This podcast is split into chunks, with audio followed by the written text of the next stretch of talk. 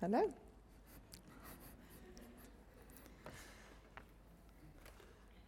So ja, wow.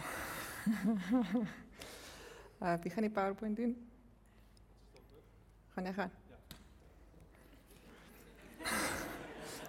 Ons het 'n bietjie geoefen, so ek wil nou nie net seker maak. Ek sê ja, as julle my ken, en my body language nou sien ek sal nou 'n bietjie relax. Dan weet julle ehm um, ek sien nie groot op praat voor mense nie. En uh julle sien my partykeer hier bo, maar ehm um, ek voel altyd ek klink so bietjie soos 'n chipmunk. My stemmetjie raak so bietjie so. en ehm um, maar ja, soos 'n paar weke terug kom jy aand by die huis of ek kom die aand by die huis en is daar en hulle praat, hy praat van die hele dag dink aan Moedersdag en wat gaan ons doen en ek het so 'n refleksreaksie en ek weet nie van waar vaar dit af kom nie en ek sê maar ek voel ek moet dit doen. En ehm um, ja, so weird is dit. En uh die volgende oggend toe by die kerk kom praat met Matthys en sê Matthys maar in die oomblik toe hulle daarvan gepraat het die vorige dag, het hy ook gevoel ek moet dit doen. So bear with me today please want ek is nie die wêreld se beste public speaker nie en as ek so 'n bietjie meer op my notas uh lees as wat Piet gewoonlik doen, vergewe my. Maar uh die die sinne wees knaag maar en ehm um, maar weet dit hierdie dis regtig 'n boodskap wat op my hart is. So ehm um, en ek belowe gaan julle nie vir 40 minute lank besig hou nie. So, okay.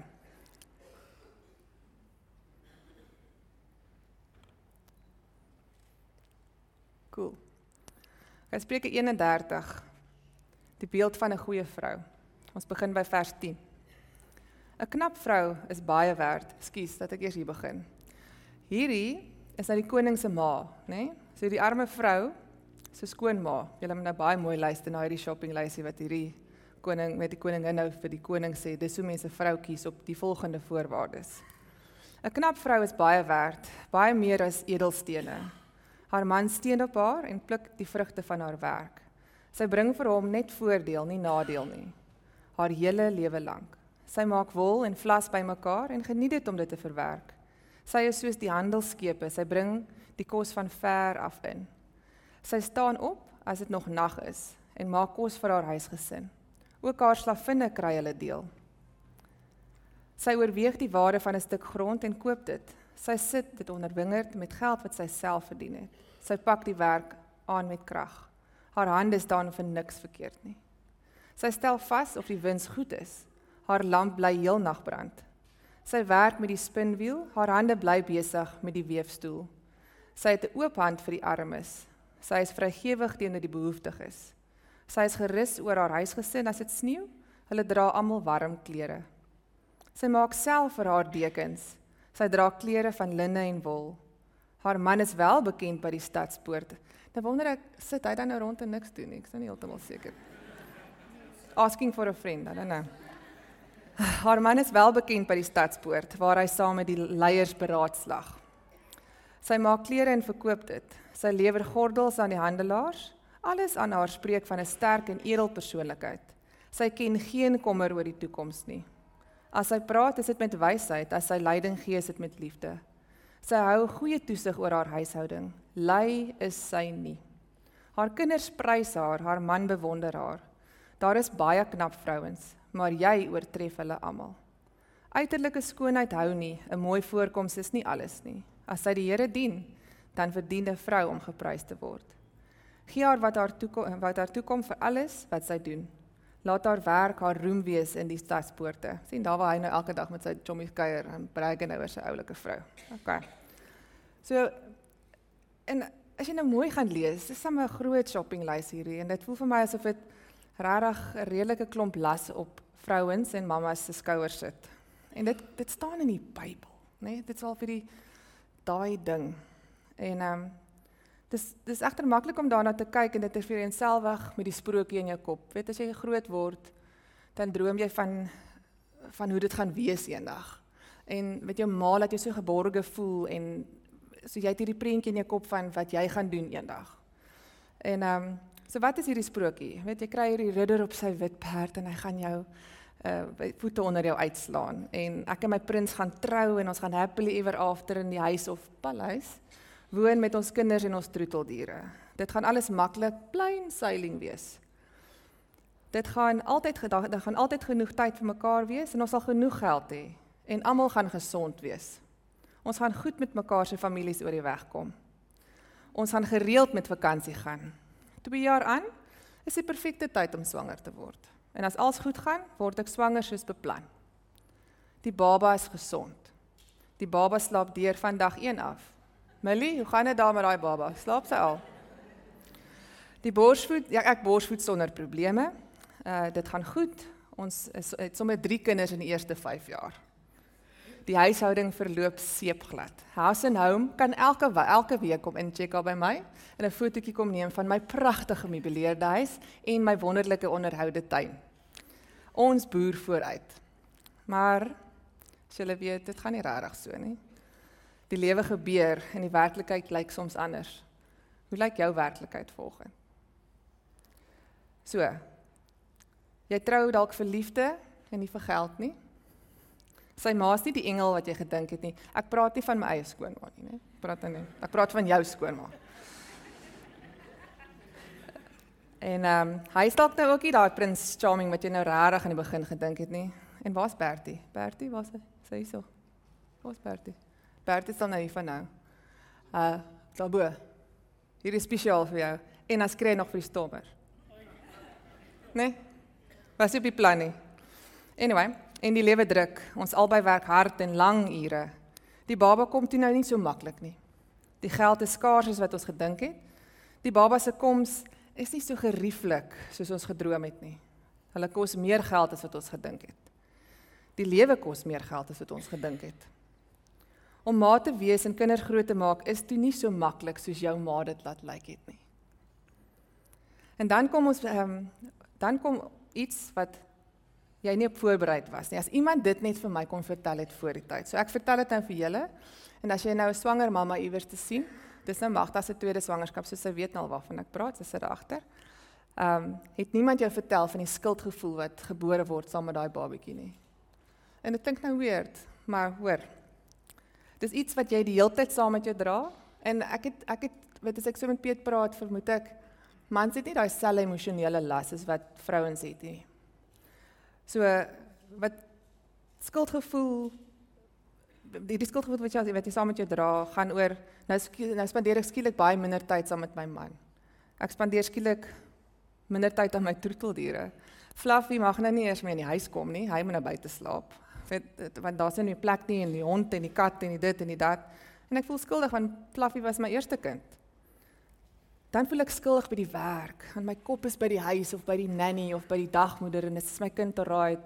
En ek het gisteraan so min geslaap dat ek eintlik nie kan fokus nie. Hulle gaan my uitvang en hulle gaan my fire want ek is nie besig om alles te gee by die werk nie.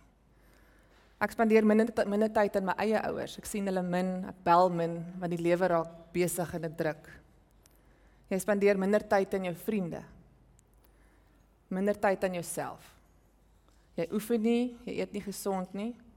Jy laat jouself so 'n bietjie agteruit gaan want jy sit altyd jou man en jou kinders voor jou. Ek het net twee, maar ek dink met elke kind wat jy bykry, raak hierdie skuldgevoel en hierdie las dalk net nog 'n bietjie swaarder. As ek nou moet dink aan hoe skuldig ek baie keer teenoor Lise voel, want sy kry nou nie meer al my aandag nie. En dan voel ek skuldig teenoor Nina want Lise 3 en 'n half jaar gehad alleen saam met ons. En nou moet Nina tyd deel of sy moet daar eie self besig hou want ek moet nou eers saam met die huiswerk sit. So dit laat my skuldig voel teenoor hulle. Ek voel skuldig oor die foute wat ek gemaak het. Hoeveel keer ek al my meer verloor het. En ek hoop my kinders sal my iewers te self kan vergewe daarvoor. Ek voel skuldig oor al die druk wat ek op my kinders plaas om te presteer en alles te doen. En dit is als gebore uit 'n goeie plek want jy wil vir hulle die beste hê. Maar mens moet net so 'n bietjie balans daar kry. So dis iets wat jy konstant saam met jou dra. Dis iets wat die hele tyd aan jou knaag. Hierdie skuldgevoel. Nou wat ek ook agtergekom het, 'n skuldgevoel is die dryfveer agter 'n klomp goed.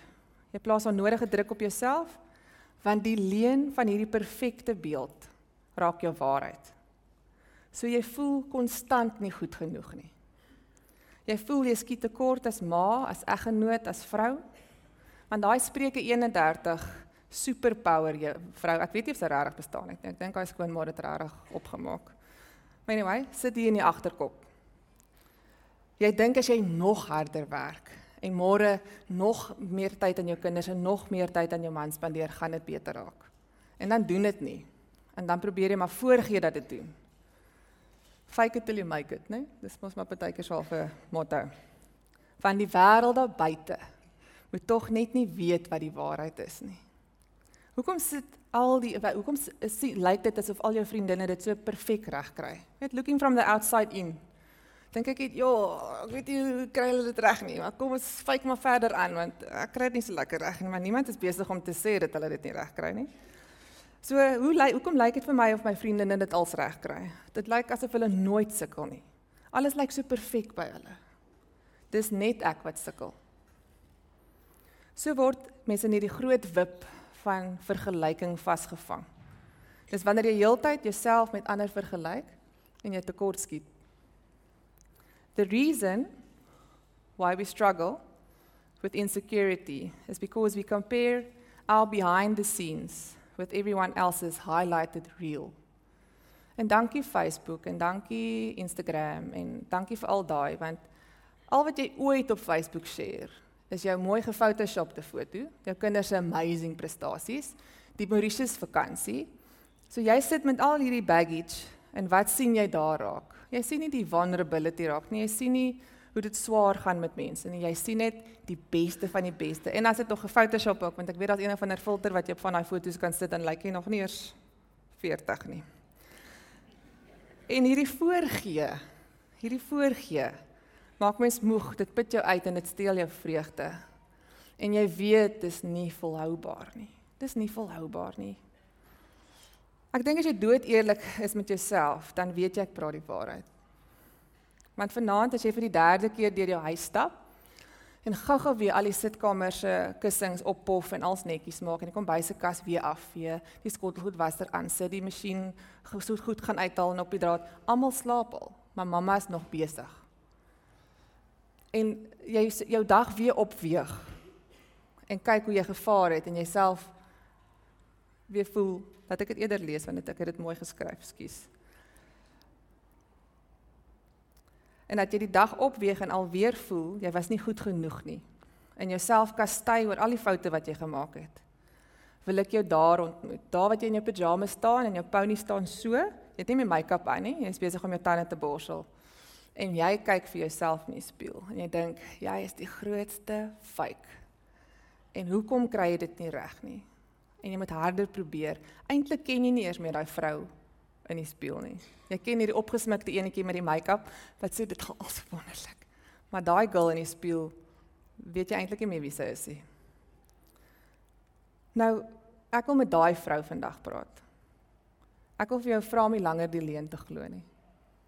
I used to believe I could do everything and be everywhere. I could work longer hours, make the deadline, cook the delicious meals, play with the kids, get enough sleep, focus on my health. And I absolutely can do all these things. But not, at, not all at the same time, not all on the same day. Realizing that was a delightful freedom. My lewe is nie 'n foto nie. Nou kyk ek weer is Moedersdag volgens. So ek gaan raai.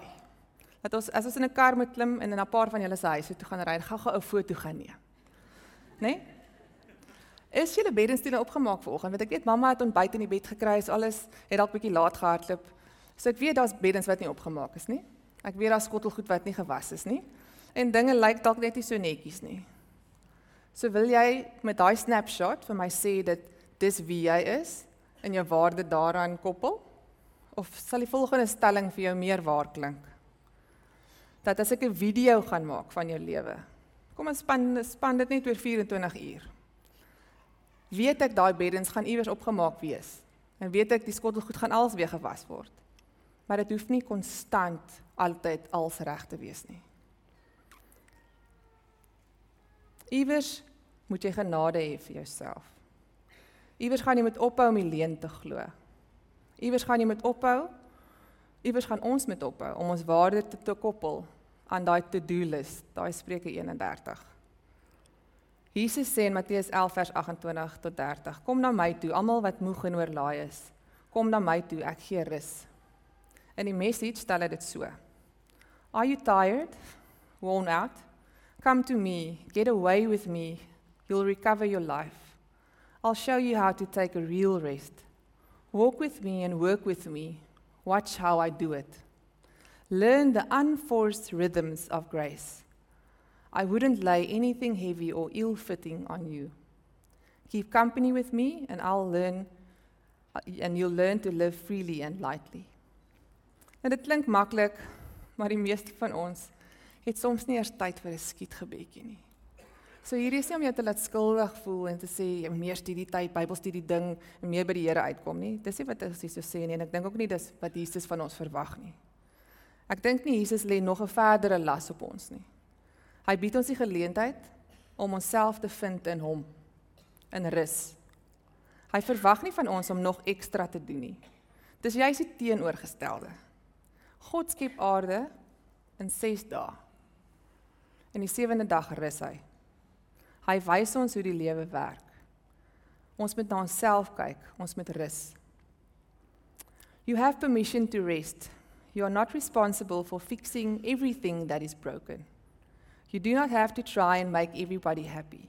For now, take time for you. It's time to replenish. Too many of us are overcommitting to others and undercommitting to ourselves. Let's stop living at a frantic pace in our hearts if our hearts are pulling us towards a slower, more focused way of life. Let's start honoring our own needs for rest, self care, and balance. Let's find the courage to live the lives we were meant to, not the lives others expect us to. Let's commit to our own vision and finally listen to the voice inside. Nou die volgende storie wat ek wil by uitkom is die Samaritaanse vrou by die put. Ek weet, but bear with me, I'll get there. Jesus het sommer, ekskuus, dis Johannes 4 van 5 van van vanaf vers 5 tot 18. Jesus het sommer by die put gaan uit uh, uitspan, moeg van die lang pad. Hy was omtrent 12, dit was omtrent 12 uur die middag. 'n Samaritaanse vrou kom toe daaraan om water te skep. Jesus vra haar toe: "Gee my asseblief Gee my asseblief 'n bietjie water. Waar is ek nou? Dit ek my om te drink. Verskoon my, sê sy, sê sy, maar waarom vra jy my om water te drink? Is jy nie 'n Joodse man en ek 'n Samaritaanse vrou nie? Sy het dit gevra omdat die Jode normaalweg niks met die Samaritane te doen wou hê nie. As jy geweet het wat God vir mense wil gee en besef het wie jou water vra, sou jy nie so 'n vraag gevra het nie. Jy sou eerder vir hom water gevra het en hy sou vir jou die lewende water gegee het. Het Jesus gesê: "Meneer, hierdie put is diep en jy het nie eers 'n emmer en 'n tou by jou nie. Waar dink jy gaan jy daardie vars water vandaan kry?" vra sy. "Jy's tog sekerlik nie beter as ons voorvader Jakob wat hierdie put vir ons nagelaat het nie." Hy self het water uit hierdie put gedrink, soos sy kinders en diere ook. Wel elkeen van wat van hierdie put se water drink, na rukkie gaan hulle weer dors word, antwoord Jesus. Wie egter van die water drink wat ek hom sal gee, sal nooit weer dors word nie. Daar is iets in daardie daar sal iets in daardie persoon gebeur. Die water wat ek vir hom gee, sal 'n fontein binne in hom verander. Sal in 'n fontein binne in hom verander. Hierdie borrelende lewende water sal maak dat hy vir ewig sal lewe. Meneer, gee my asseblief van daardie water, vra sy dadelik. Dink net, ek sal nooit weer dors word nie en ook nooit weer die moeite hoef te doen om hier te kom water haal nie. Ek gaan daai stukkie weer lees want ek gaan weer daar uitkom. Dink net, ek sal nooit weer dors word nie en ook nooit weer die moeite hoef te doen om water hier te kom haal nie. Hy vra haar toe, "Gaan roep jou man en kom hier." "Ek het nie 'n man nie," sê hy. Sê sy. "Dis 'n eerlike antwoord," sê Jesus. "Jy was voorheen al 5 maal getroud. Boonop is jy nie eers getroud met die man met wie jy nou saam bly nie. Ja, jy het die waarheid gepraat. Dis 12 uur die middag. My verstaan van die Bybelse tyd is hulle sou so 6 uur die oggend al gaan water haal het want dan is dit koeler en dis waar al die vrouens bymekaar kom en ons community en hulle chat en hulle is besig. Maar hoekom is sy 12 uur die middag daar? Sy skaam. Sy voel sy's minder werd. Sy is uitgeskuif deur die ander vrouens. Jy het mos nou gehoor wat haar pedigree is. Sy is uitgeskuif deur die samelewing. Maar sy's daar. Haar huishouding het haar nodig. Sy moet steeds elke dag opstaan en vir haar gesin sorg. Sy moet steeds elke dag gaan water skep. En dis wat 'n mamma doen. We show up no matter what. Ten spyte van alles sal ons dit doen vir ons kinders. Jy weet daai mamma by die skool, daai mamma wat daar een kant staan by die netbal of by die rugby. Wat nou al 3 buiteegtelike kinders het. Jy weet van wie ek praat, daai mamma met die storie. Daai mamma wat niemand meer in die oë kan kyk nie want sy was gemeet en te lig bevind. In haar oë is sy niks werd nie. En sy is ver weg van daai Spreuke 31 vrou se voorbeeld. En ons is dankbaar vir haar want so kan ons al ons eie gevoelens van waardeloosheid projekteer en beter oor onsself voel want ons sonde is nie so groot soos hare nie. As ons werklik Jesus wil speel of speel vir daardie mamma vir al daardie mammas sal die wêreld heeltemal anders te lyk. Be the person who breaks the cycle. If you were judged, choose understanding. If you were rejected, choose acceptance. If you were shamed, choose compassion. Gaan nou verder lees aan daai. Ek het gisteraand gekyk um en een van my gunsteling nuwe skrywers is daai Brené Brown en sy doen studies oor shame en guilt en vulnerability en al die goeters. En sy sê shame se opposite is empathy. Sy sê shame kan nie bestaan as daar empatie is nie. En dit is wat hulle hier ook sê van if you were shamed, show compassion of choose compassion. Want net daar kan jy daai vrou gaan ontmoet waar sy is en vir haar sê jy is nie besig om haar te oordeel nie. So if you were shamed, choose compassion. Be the person you need when you're hurting, not the person who hurt you. Vow to be better than what broke you, to heal instead of becoming bitter so you can act from your heart, not your pain. Moedersdag is so 'n emosioneel gelaaide dag en soos wat Piet ook nou-nou begin het, ons dink aan die mammas wat dalk vir die eerste keer in die hemel is en dis jou eerste Moedersdag sonder haar. Dalk het jy al lank al jou ma verloor. Dalk het jy meer 'n verhouding met jou ma nie. Dalk wil jy so graag 'n mamma wees. So dis so sensitiewe, emosioneel belaaide dag dat ek eintlik verstaan dat 'n mamma wat so graag 'n baba wil hê, dalk nie by die kerk sal wees vandag nie. Want eintlik weet jy daar's hierdie verwagting en iets spesiaals gaan gebeur, maar jou hart hunker vir hierdie baba. So, soos julle weet, my ma, um, of my ouers bly in Johannesburg. Hulle is daar in Boksburg en Benoni as jy gewonder het waar al die Oosrand grappies vandaan kom. Ek sien um, ek sit die week op die internet en ek soek vir my ma ietsie wat ek kan laat aflewer. Ek probeer maar altyd dit doen want ons sien mekaar maar min.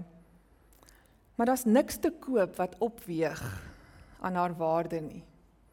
Voel jy ook so as jy gaan iets soek vir jou ma om vir te sê hoe lief jy vir haar is? Daar is net nie, daar sy het dalk ietsie nodig, maar jy koop die praktiese geskenk want dit is maklik. Maar as ek moet vir jou sê, daar is nie 'n persent in die wêreld wat ek vir haar kan koop wat gaan sê is gelyk aan my liefde vir jou en my waardering vir jou nie. Ek sal nooit genoeg vir haar kan sê hoe lief ek vir haar nie en hoe dankbaar ek is vir haar nie. Sy is vir my die mooiste vrou in die wêreld. Daar is niks wat opweeg aan haar skoonheid nie. Ek staan nou die dag in 'n aantrekkamer van een van die klerewinkels hier by Tegevallei. En ek hoor die volgende gesprek in die aantrekkamertjie langs my. "Wow, mamma, jy lyk so mooi." Hierdie dogtertjie sê vir haar ma. Wat dink julle was daai mamma se antwoord? Die dogtertjie kon eers omtrent haar sinnetjie klaar maak. Toe haar mamma vir haar sê: "O nee, ek lyk glad nie mooi nie. Hierdie broek laat my vet lyk." En my hart was seer toe ek dit hoor. Dit is vandag nog seer daaroor. Want ek het hierdie volgende stukkie raak gelees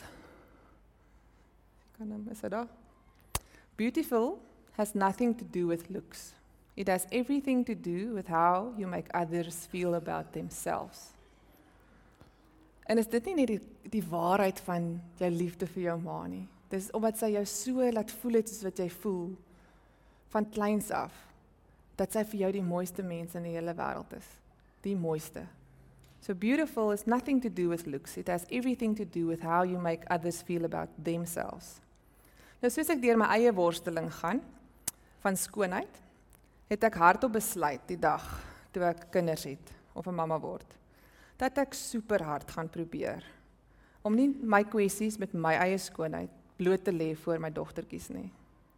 Hulle gaan hulle selfbeeld modelleer op hulle wat wat hulle by my sien en my beleef. Hulle gaan hulle self leer lief hê op die manier wat ek myself liefhet. So wanneer hulle my komplimenteer, glimlag ek breed en ek sê baie dankie my liefie. Want diep binne in my hart weet ek dit is hulle waarheid. Al is ek dalk nog nie daar nie. One day all our children will have is pictures of you. Make sure you're in them. No matter how your hair looks, your makeup, your body, they won't care about any of that. They'll just want to see you. Verbeel jou 'n generasie van vrouens in ons toekoms wat kan verstaan waar ware skoonheid vandaan kom. Imagine ons kan ons dogtertjies hierdie warriortjies maak wat nie al hierdie hang-ups het oor hulle self nie. Imagine die generasie vrouens van eendag. Imagine dit net. Nou om, om dit nou alles op te som. Is daar drie punte wat jy kan huis toe vat. Dis die selfsorg, dis die saam staan en dis die skoonheid. Nou selfsorg, ek weet selfsorg klink so half selfsugtig. Maar die enigste manier hoe ek dit regtig kan tuisbring is as jy op 'n vliegtyg al gevlieg het en deur daai daai safety checks gaan van one click en dit en dat en als, nê? En wat dan nou by daai slegte plek om dat as daar enigsins nou iets gaan gebeur gaan daar suurstofmasker afval. En wat is wat wat sê hulle daar? Hulle sê nie daar sit gaan almal rondom jou so safety of so suurstofmaskers aan nie. Hulle sê sit jou eie een eerste aan. Hulle sit jou eie een eerste aan want so kan jy die mense rondom jou help. Ek ken nie jou situasie nie, maar ek vra vir jou. Ek vra dat jy vir jouself sal tyd maak om jouself weer te vind en jou tankie weer vol te maak. You often feel tired not because of what you've done not because you've done too much. You often feel tired not because of what you've done too much, but because you've done too little of what sparks joy in you and light in you. Dis 'n bose kringloop. As jy niks meer oor het om te gee nie, wat het jy dan om te gee? Die tweede een is daai van saam staan. Ek voel net liefde wen altyd. Ek probeer my dogters leer om um, uit te kyk vir daai voeltjie met die gebreekte vlekkie daar by die skool. Die maatjie wat alleen sit. Die maatjie wie nie hom of haarself vandag is nie.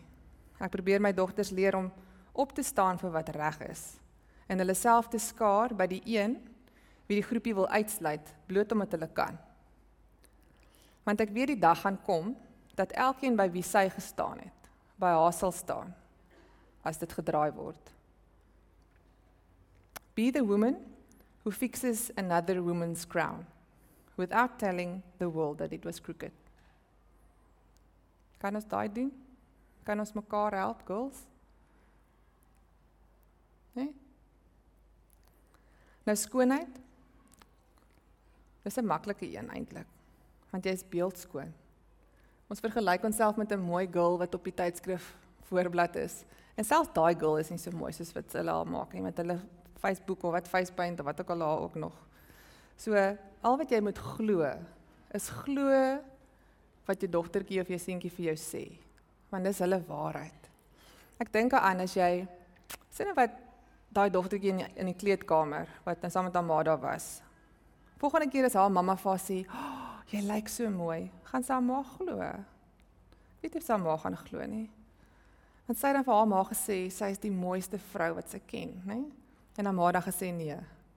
So is dit dan as haar ma dan nou sê dis nie reg nie, dan hoe gaan haar ma dan vir my kan sê ek is mooi? Dan gaan ek dit mos ook nie glo nie.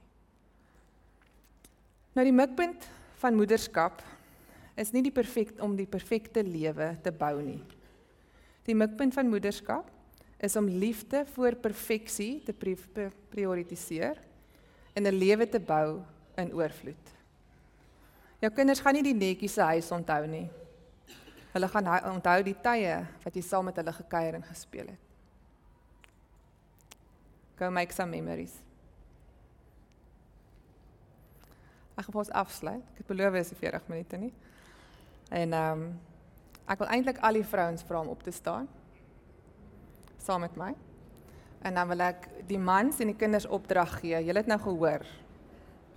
En julle hoor die diep struggles wat in ons harte aangaan.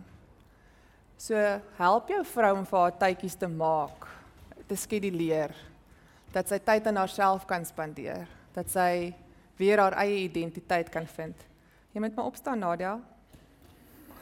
Ek sien Cameron druk ons so op. Dit gaan nie net oor die ma's nie, dit gaan oor die vrouens. En ehm um, so ja, ek wil julle encourage om mekaar te help. Vat jou jou vriendin se hand. Don't be that person weet wat hulle altyd afkraak nie. Moenie saam met die res praat nie. Kom op vir daai girl, want jy weet nie waartoe sy gaan nie. So en mans en pappas en kinders, maak seker julle waardeer hulle vir wie hulle is, want hulle voel nie goed genoeg nie. Julle kan julle oosluit. Here Jesus, ek bring vandag al hierdie pragtige vrouens soos 'n ryker voor U. Here, U weet waar hulle is in hulle lewens, U weet waar hulle struggles is. U weet waar hulle behoeftes is. Here, ek dra hulle elkeen aan U op. As hulle vandag 'n hartseer het want hulle mammas is dalk nie by hulle nie of hulle mammas is dalk al hemel toe, wil ek U vra om hulle te comfort vanoggend, Here, en hulle styf vas te druk. Here, dit wat ons gehoor het vanoggend, glo ek is kom uit u hart uit, Here Jesus. En ek vra dat dit sal wortel skiet dat dit die girls gaan weet dat hulle iewers 'n tydjie vir hulle self moet kry. Dit gaan nie van self gebeur nie, hulle gaan moet dit prioritiseer in dit met dagboek. Daarom gee ek die mans die opdrag om hulle te help daarmee. Here, ek vra vandag, as daar 'n mamma hierso is of 'n vrou hierso is wat so graag 'n babatjie wil hê, wil ek haar aan U opdra en ek wil vir U vra om 'n wonderwerk vir daai daai daai vrou te doen. Here dat haar droom sal bewaarheid word om 'n mamma te word. Here sien elkeen van ons mammas en ons vrouens hier vandag. Ons is warriors, Here. Ons kan 'n generasie op generasie wat nog gaan kom verander as ons dit wil verander. Dankie vir u liefde, dankie vir al u genade. Dankie dat ek weet dit wat al fout gegaan het en ons tekortkoming wat ons onsself oorkastei in die verlede is alles by U en U het ons klaar vergewe daarvoor. En dit is nooit te laat om te gaan regmaak nie. Dit is nooit te laat om 'n skoon blaadjie oop te slaan nie. Ons is vir U lief en ons is dankbaar dat U deel is van ons lewe. Amen.